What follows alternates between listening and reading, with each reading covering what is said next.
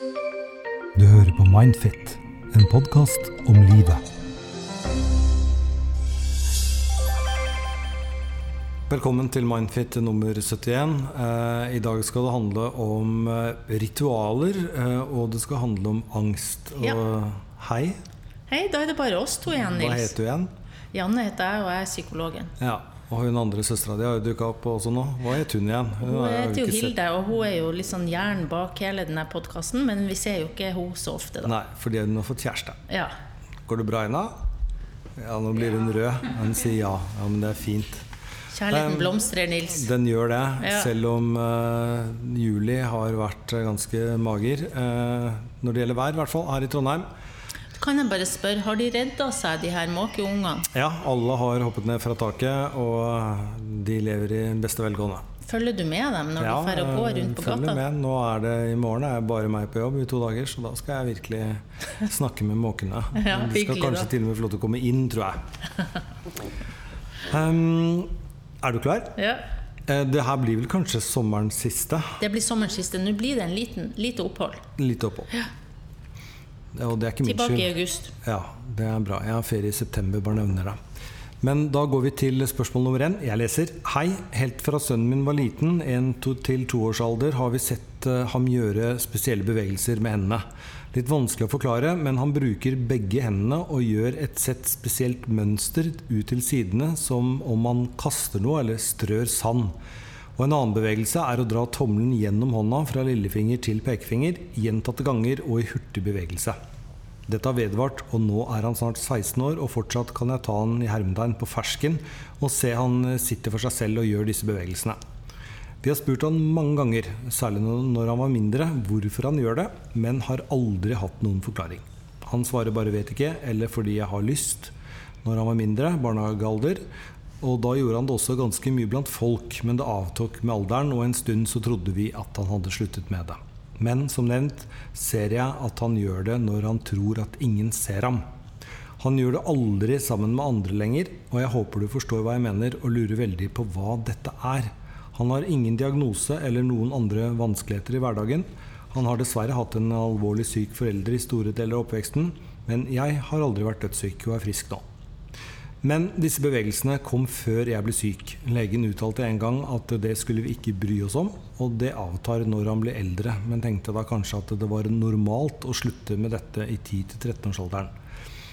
Har psykologen en formening? Med vennlig hilsen bekymret foreldre. Ja. Vet du, eh, for det første så vil jeg jo si Det husker sikkert du òg når du var barn, Nils, at barn har jo ofte noen sånne ritualer. ikke sant? Ikke hopp på streken eller gå på streken eller De har jeg ennå. Ja, ikke sant? Ja. Dette å ha ritualer, det er ikke sånn at vi alltid vokser de av oss. Nei? Vi vet, ja, Hvilke ritualer har du, da? Nå ble jeg nysgjerrig, forresten. Tør du å, røpe det her? Ja, jeg, altså ritualer Jeg må eh, dobbeltsjekke at uh, kaffetrakteren er av. Og uh, det, det spørs på hvor lenge jeg skal være borte. Altså Hvis jeg skal på ferie, så er det et lite helvete. For at det, den der avsjekksrutinen hjemme tar i hvert fall en time. Ja. Og da er det sånn i hvert fall ti ganger å sjekke at uh, et vindu oppe er låst. Ja. Så så, altså 10-15 egentlig av, av barn har uh, ritualer. eh, og det trenger ikke være noen diagnose. ikke sant? Og sånn som du, da. for å si det som det er, noen ganger så går en jo over i en grense der dette blir så upraktisk at en trenger hjelp. Eh, og det er jo hjelp å få. Men i dette tilfellet så tenker jeg at, at dette er jo en gutt som beskrives som å ikke ha problemer ellers. Altså at han fungerer Mor, mor sier at han fungerer eh, Det er ikke noe diagnose. Hun er bare bekymra for at han ikke har stoppa med det her. Eh, og poenget mitt er at det er jo ikke alle som stopper. For at, altså, ritualer er jo en måte å regulere følelser på, vil jeg tenke. Eh, og, og det er jo sant òg at med enkelte diagnoser så, så følger det jo mer ritualer. F.eks. autisme eller Tourette som får mer sånne tics. Og at det kan være mer ufrivillig noen ganger. Det er sant. Men, men jeg tenker det er sånn som jeg tenker det er en måte å regulere følelser på. eh, håndtere et eller annet. Og så blir det jo fort en vane, og så noe som en sånn sett kanskje ikke så lett kan slutte med. Og det er ikke så lett heller når en da blir spurt. Og forklare hvorfor en holder på med det. ikke sant? Så en blir liksom sånn svar skyldig. Det kan vel også være en metode å, å komme inn i en modus på. Altså Ja. for å tenke eller være kreativ. Jeg tenker Ja, f.eks. bønnekjede. Ja, Jeg gikk eh, senest i dag eh, bak en mann som eh, hadde bønnekjede. ja, Og, og det er jo sånn Ritualet ritualer man gjør mens man går, man teller og, ja. og sånne ting. Da, nei, jeg klarer heller ikke å se at det er noe farlig eh, i det hele tatt. Det er når for all del gutten holder på. Eller kanskje han er trollmann, og det er noen sånne ja, for, for, ja. moves Det er faktisk viktig, det er liksom viktig å berolige denne mora òg på at og at det er liksom viktig overfor sønnen òg, at ikke det blir som om han er nødt til å stå til rette for at han holder på med det her. Og det er jo helt tydelig at han har skjønt etter hvert at dette kan han ikke holde på med når det er andre til stede, men allikevel så oppfyller det en eller annen funksjon for han. Eh, Jeg vil jo også litt tilbake til dette hun nevnte, med et psykisk syk foreldre. Nei, ikke psykisk. Ikke psykisk. hun var bare eh, fysisk. Ja, Jeg fikk inntrykk av at det var fysisk. ja, det var fysisk. Eh, Men uansett hvilken type sykdom det hadde vært, det å ha en forelder som plages over mange mange år og ikke er frisk, da, det gir jo en type uro hos barn. Og da kan jo dette ha altså Selv om hun sier at dette starta lenge før hun ble eh, så kan jo dette ha blitt forsterka av eh, dette som har foregått hjemme, som også handler om sykdom. Sånn at det kan jo også ha en funksjon for å regulere noe uro. Og så kan det være en vane, og så kan det være eh, noe som du sier, noen ganger noe som setter i gang tanker og kanskje hjelper deg kreativt sett. Bare tenk på alle idrettsutøverne som har litt sånn rare ritualer som de må gjennomføre. Rare sokker, må gå tre ringer rundt toalettet, må gå opp og ned trappen ti ganger, øh, må ha den og den øh, knotten. Ja, det er et Ja. fjell. Og så vil jeg tenke at eh, så, så lenge dette ikke går ut over funksjonen din og, og hemmer deg i hverdagen, så er det vel kanskje noe du kan leve med.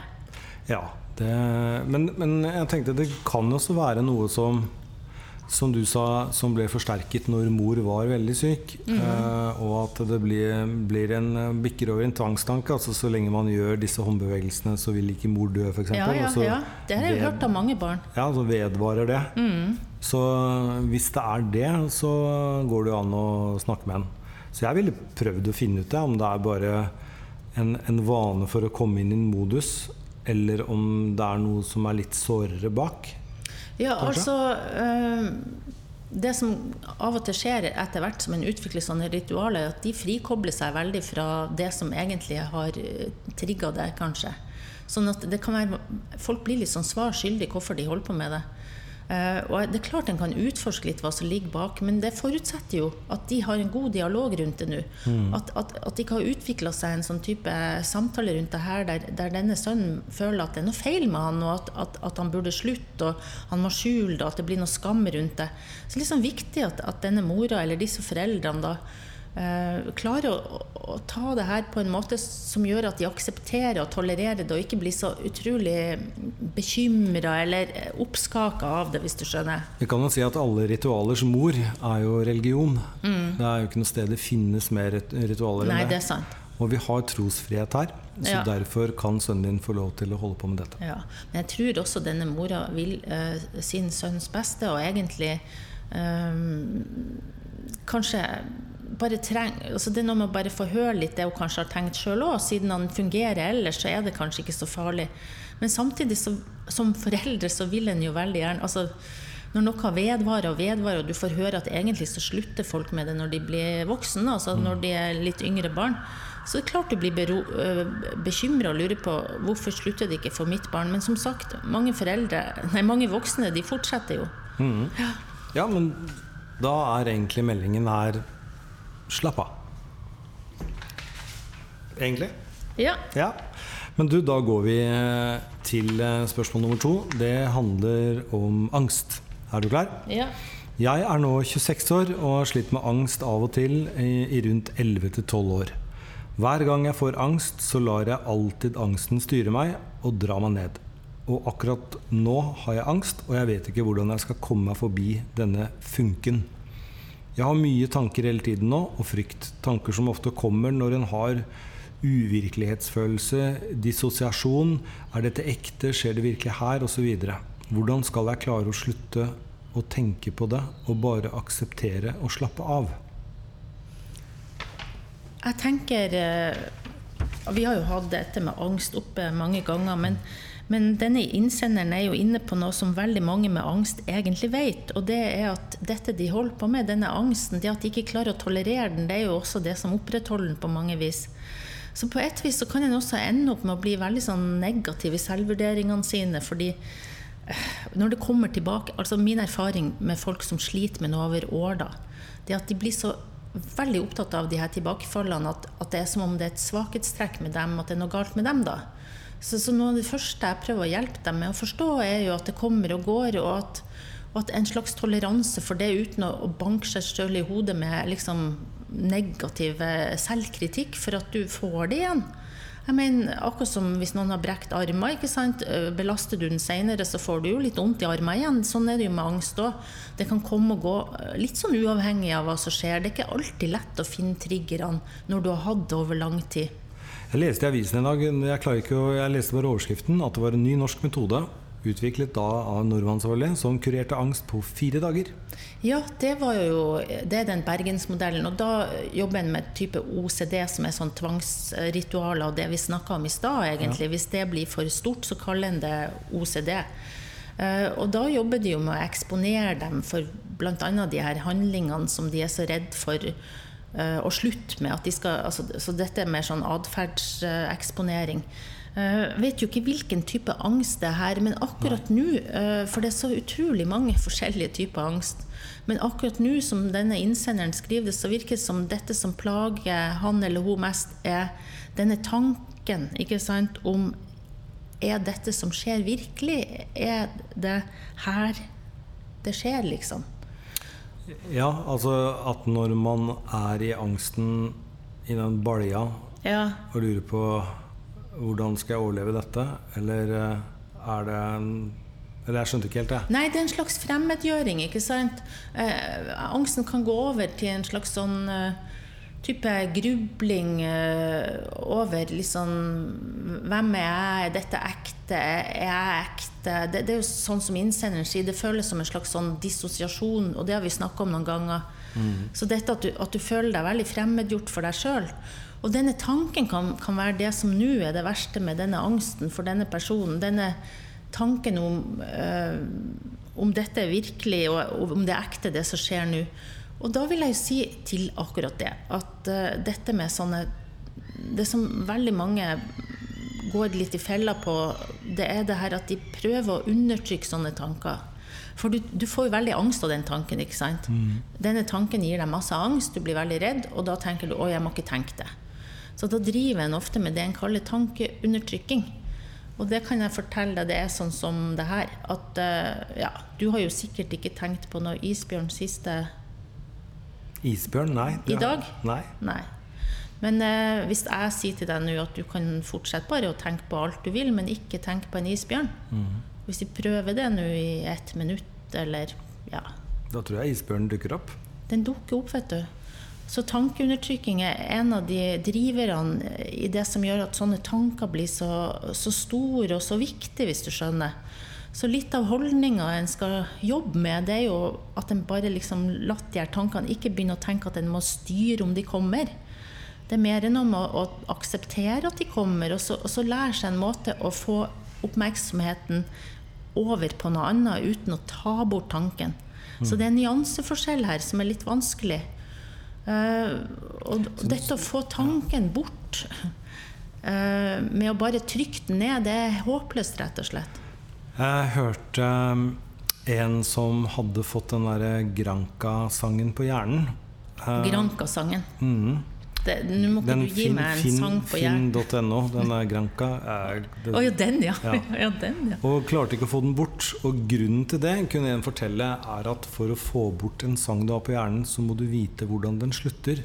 Og problemet med denne sangen at den slutter jo ikke. Nei, altså, det, det, er bare en bit, så det ja. er helt forferdelig. Ja. Så bare overført til angsten. Ja. Altså hvis du altså, det, er, det er angst for angsten. Altså Hvis man er redd for at angsten kommer, slapp av, den kommer. Mm. Men den kommer til å forsvinne kjappere hvis du slutter å være redd for at den kommer. Ja, den gjør det faktisk.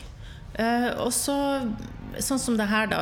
Dette å lære seg å ha fokus på noe annet, det har vi jo snakka om flere ganger. Jeg vil jo akkurat nå tipse om en veldig god eh, app som heter Jeg tror den heter Headspace. Plutselig så var jeg litt usikker. Ikke Mindfit? Nei, ikke wow, Mindfit. Er Mindfit er en fin app for å utvikle Mindfit er en fin app for det her med positiv uh, Altså dette å følge en utvikling og se at det går fremover. Og det er òg et poeng her, da. Mm. At du har hatt angst i 11-12 år, men det har vært ja, det er lenge. Det, har vært, det er lenge, men sånn som personen skriver uh, hver gang jeg får angst, så føles det som den alltid at, at, den skal styre meg og aldri kanskje gå bort. Men den har jo gjort det mange ganger imellom. Mm. Så det Mindfit er god på, eller det en må lære seg litt, det er jo å se at det går opp og ned. Og at det er fravær av angst. Og så Istedenfor å plage seg sjøl med at nå er angsten her, og hvorfor kommer den nå, og hvorfor plager den meg, og hva er feil med meg, så kan en jo også se på at i det her lange strekket så har jeg jo hatt mange perioder der den har vært borte. Mm. Så da kan en berolige seg sjøl med å si at denne angsten den kommer også til å gå bort denne gangen. Det har gjort det før, i hvert fall. Nå klarte jeg på en finurlig måte å få deg til å ikke fortelle om en annen eh, app enn Mindfit. Men hva, var det, det var ikke meningen? Hva hele, poen, hele poenget en, en er? er de her mindfulness-appene ja. uh, som hjelper deg både med pusteteknikker, som vi har snakka om før, enkle pusteteknikker. Mm. Pust inn med nesen, hold pusten og pust ut med munnen eller oppmerksomhetstrening, som er en veldig fin måte å få pause fra at disse tankene og denne angsten kommer så nært på deg hele tida. Mm. Med oppmerksomhetstrening det kan en drive ganske enkelt, faktisk. Men du kalte den head square? Nei. Nei. Det som er litt dumt nå, er at uh, plutselig så var jeg jo ikke sikker sjøl på hva den heter, så vi får ta en føljetung på det neste gang. jeg, jeg tror den heter Headspace. Headspace ja. Men jeg skal sjekke det, og Hilde vet det. Hilde, du mener at den heter Red Space? Ja, den heter nok det. har jo også sånne teknikker, da. Ja, ja, men nå prøver vi å nesten tendere mot å være et journalistisk program som ikke bare snakker om Mindfit. Jo da, men, ja. men eh, den har jo det, den òg. Uh, uh, men poenget her er, er, det jeg sier med oppmerksomhet, rett, rett og slett. Og det er lettere sagt enn gjort. For at hvis du ikke har hatt angst, så tror jeg det er veldig lett å tenke og det, folk med angst tenker da Jeg må jo bare skjerpe meg, tenker de. Men angst er jo fryktelig ubehagelig. Det er jo veldig fysisk ubehagelig, vondt, og det er vanskelig. Det sier folk til meg. Det er veldig vanskelig når angsten er der, å tenke samtidig. Mm.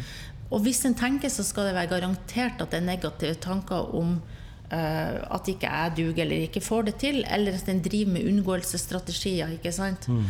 Uh, sånn at uh, dette med å kunne ha oppmerksomheten og i Mindfit bruker vi også den der. Eh, det å ha oppmerksomheten på tre ting eh, du hører i rommet, tre ting du ser i rommet, tre ting du kanskje føler i kroppen din. Mm. Som en sånn måte å få fokuset over på noe annet. Eh, og så sier folk med angst at det er jo ingen av de her tingene som gjør at angsten slipper taket helt. Nei, det er sant, det. Men målet er jo å lære seg å håndtere den. Og, og egentlig finne en måte å, å, få pauser fra den på. Det er det som er det første målet. Uh, målet på sikt er jo så klart å bli kvitt denne angsten, men det er ikke alltid det gjort, gjøres så lett. Sånn som i den bergensmodellen der de bruker fire dager intensivt jobber med angsten. Veldig bra uh, at det finnes sånne tilbud. Men det er ikke for alle å få det til, faktisk. Heller ikke de med OCD, er min erfaring. Mm. Men uh, mye av de prinsippene de bruker i den bergensmodellen, er jo noen av de samme prinsippene en ville brukt uansett angst. Men um, oppsummert her, til uh, innsenderen. Det er egentlig å gjøre det som høres lett ut i praksis. Uh, du må stå i angsten uh, for at den skal forsvinne litt og litt og ta en liten pause. Ja. Og det høres jo lett å si, og så ja. er det veldig vanskelig å få det til. Det er veldig vanskelig. Og så veldig mange, og det har jeg jo sagt tusen ganger, for det er en av de tingene jeg brenner veldig for. Veldig mange glemmer egentlig eh, den settingen de er i, eh, og at angst så klart av og til eh, så finner en ikke Det, det er sant. det å gruble på 'hvorfor fikk jeg angst nå', det å bruke masse tid på å prøve å finne det ut, gå gjennom skritt for skritt 'hva gjorde jeg egentlig i går', som gjør at jeg har angst nå, det kan fort bli en sånn loop der du ikke kommer noen vei. ikke sant? Mm. Eh, men allikevel, i det store bildet, kanskje det er noen stressfaktorer som gjør at angsten er her akkurat nå. Mm. Kanskje er det noe i livet ditt, eh, familie, jobb, skole, som har satt i gang at du plages akkurat nå. Og dette å prøve å finne litt ut av om det er noe en kan gjøre noe med i livet sitt som kan hjelpe, er jo også veldig viktig. Eh, men bare før vi gir oss altså fordi dette med, dette med å håndtere disse tankene altså det, det, Den litt sånn klassisk felle folk gjør, eh, er vel egentlig at de eh, tenker at det må De tenker også for mye på at det må være altså noen, eh, det her med at hvis jeg fortsetter sånn som det her, så kommer jeg til å bli gal eller miste kontroll. Det er jo nesten som om de eh, blir mer opptatt av også det. Altså at, at det, de vet så godt at de skulle slutte å gjøre, blir også en ekstrabelastning. At de begynner også å tenke på, på hvorfor de ikke klarer det. Og jeg kommer til å bli gal hvis jeg ikke klarer det, eller jeg kommer til å bli alvorlig syk hvis jeg ikke klarer det. Altså det er normalt uh, å ikke kunne få kontroll over det her når en har angst. sånn at det er jo veldig slitsomt å i tillegg plage seg sjøl med hvorfor en ikke klarer å, mm. å la være. Ja. At et godt tips er jo å prøve å være litt greiere med seg sjøl. ja. ja. Akseptere litt mer at det er ikke så lett. Det er sommerens tips, rett og slett. Hæ? Det er sommerens tips. Ja. Vær litt grei med oss selv. Ja, det vil jeg absolutt si til denne innsenderen og alle andre som sliter med angst, i hvert fall. Og det er veldig mange. Og ja, det er veldig mange. Vi kommer helt sikkert til å ha flere angstspørsmål når vi er tilbake igjen fra høsten. Det tror jeg. Og da er jo også sommerferien over, eh, med de implikasjonene det gir for eh, sinn. Så det tar vi da på strak arm. Men du du Hilde, du sitter jo her, og du skal kanskje på sommerferie? Jeg har vært på ferie, så jeg begynte å jobbe igjen. Begynte å jobbe igjen, ja. ja, ja. Hun ser veldig blid ut, da. Det gjør jeg. Har vært i, fått sol? Ja. Det sliter folk med i Trondheim akkurat nå. Ja. Eh, ja, vi har ikke fått sol, Det ikke, kan vi trygt si. Vi er ikke sol. Det har vi ikke. Men takk for at dere hører på. Vi ja. har utrolig nok også passert en uh, ny liten uh, milepæl. Over 200 000 lyttere til sammen, og det ja. er jo ganske fett antall. Ja. Og vi skal fortsette. Så god sommer til alle sammen. God sommer. Ha det. Ha det. Ha det.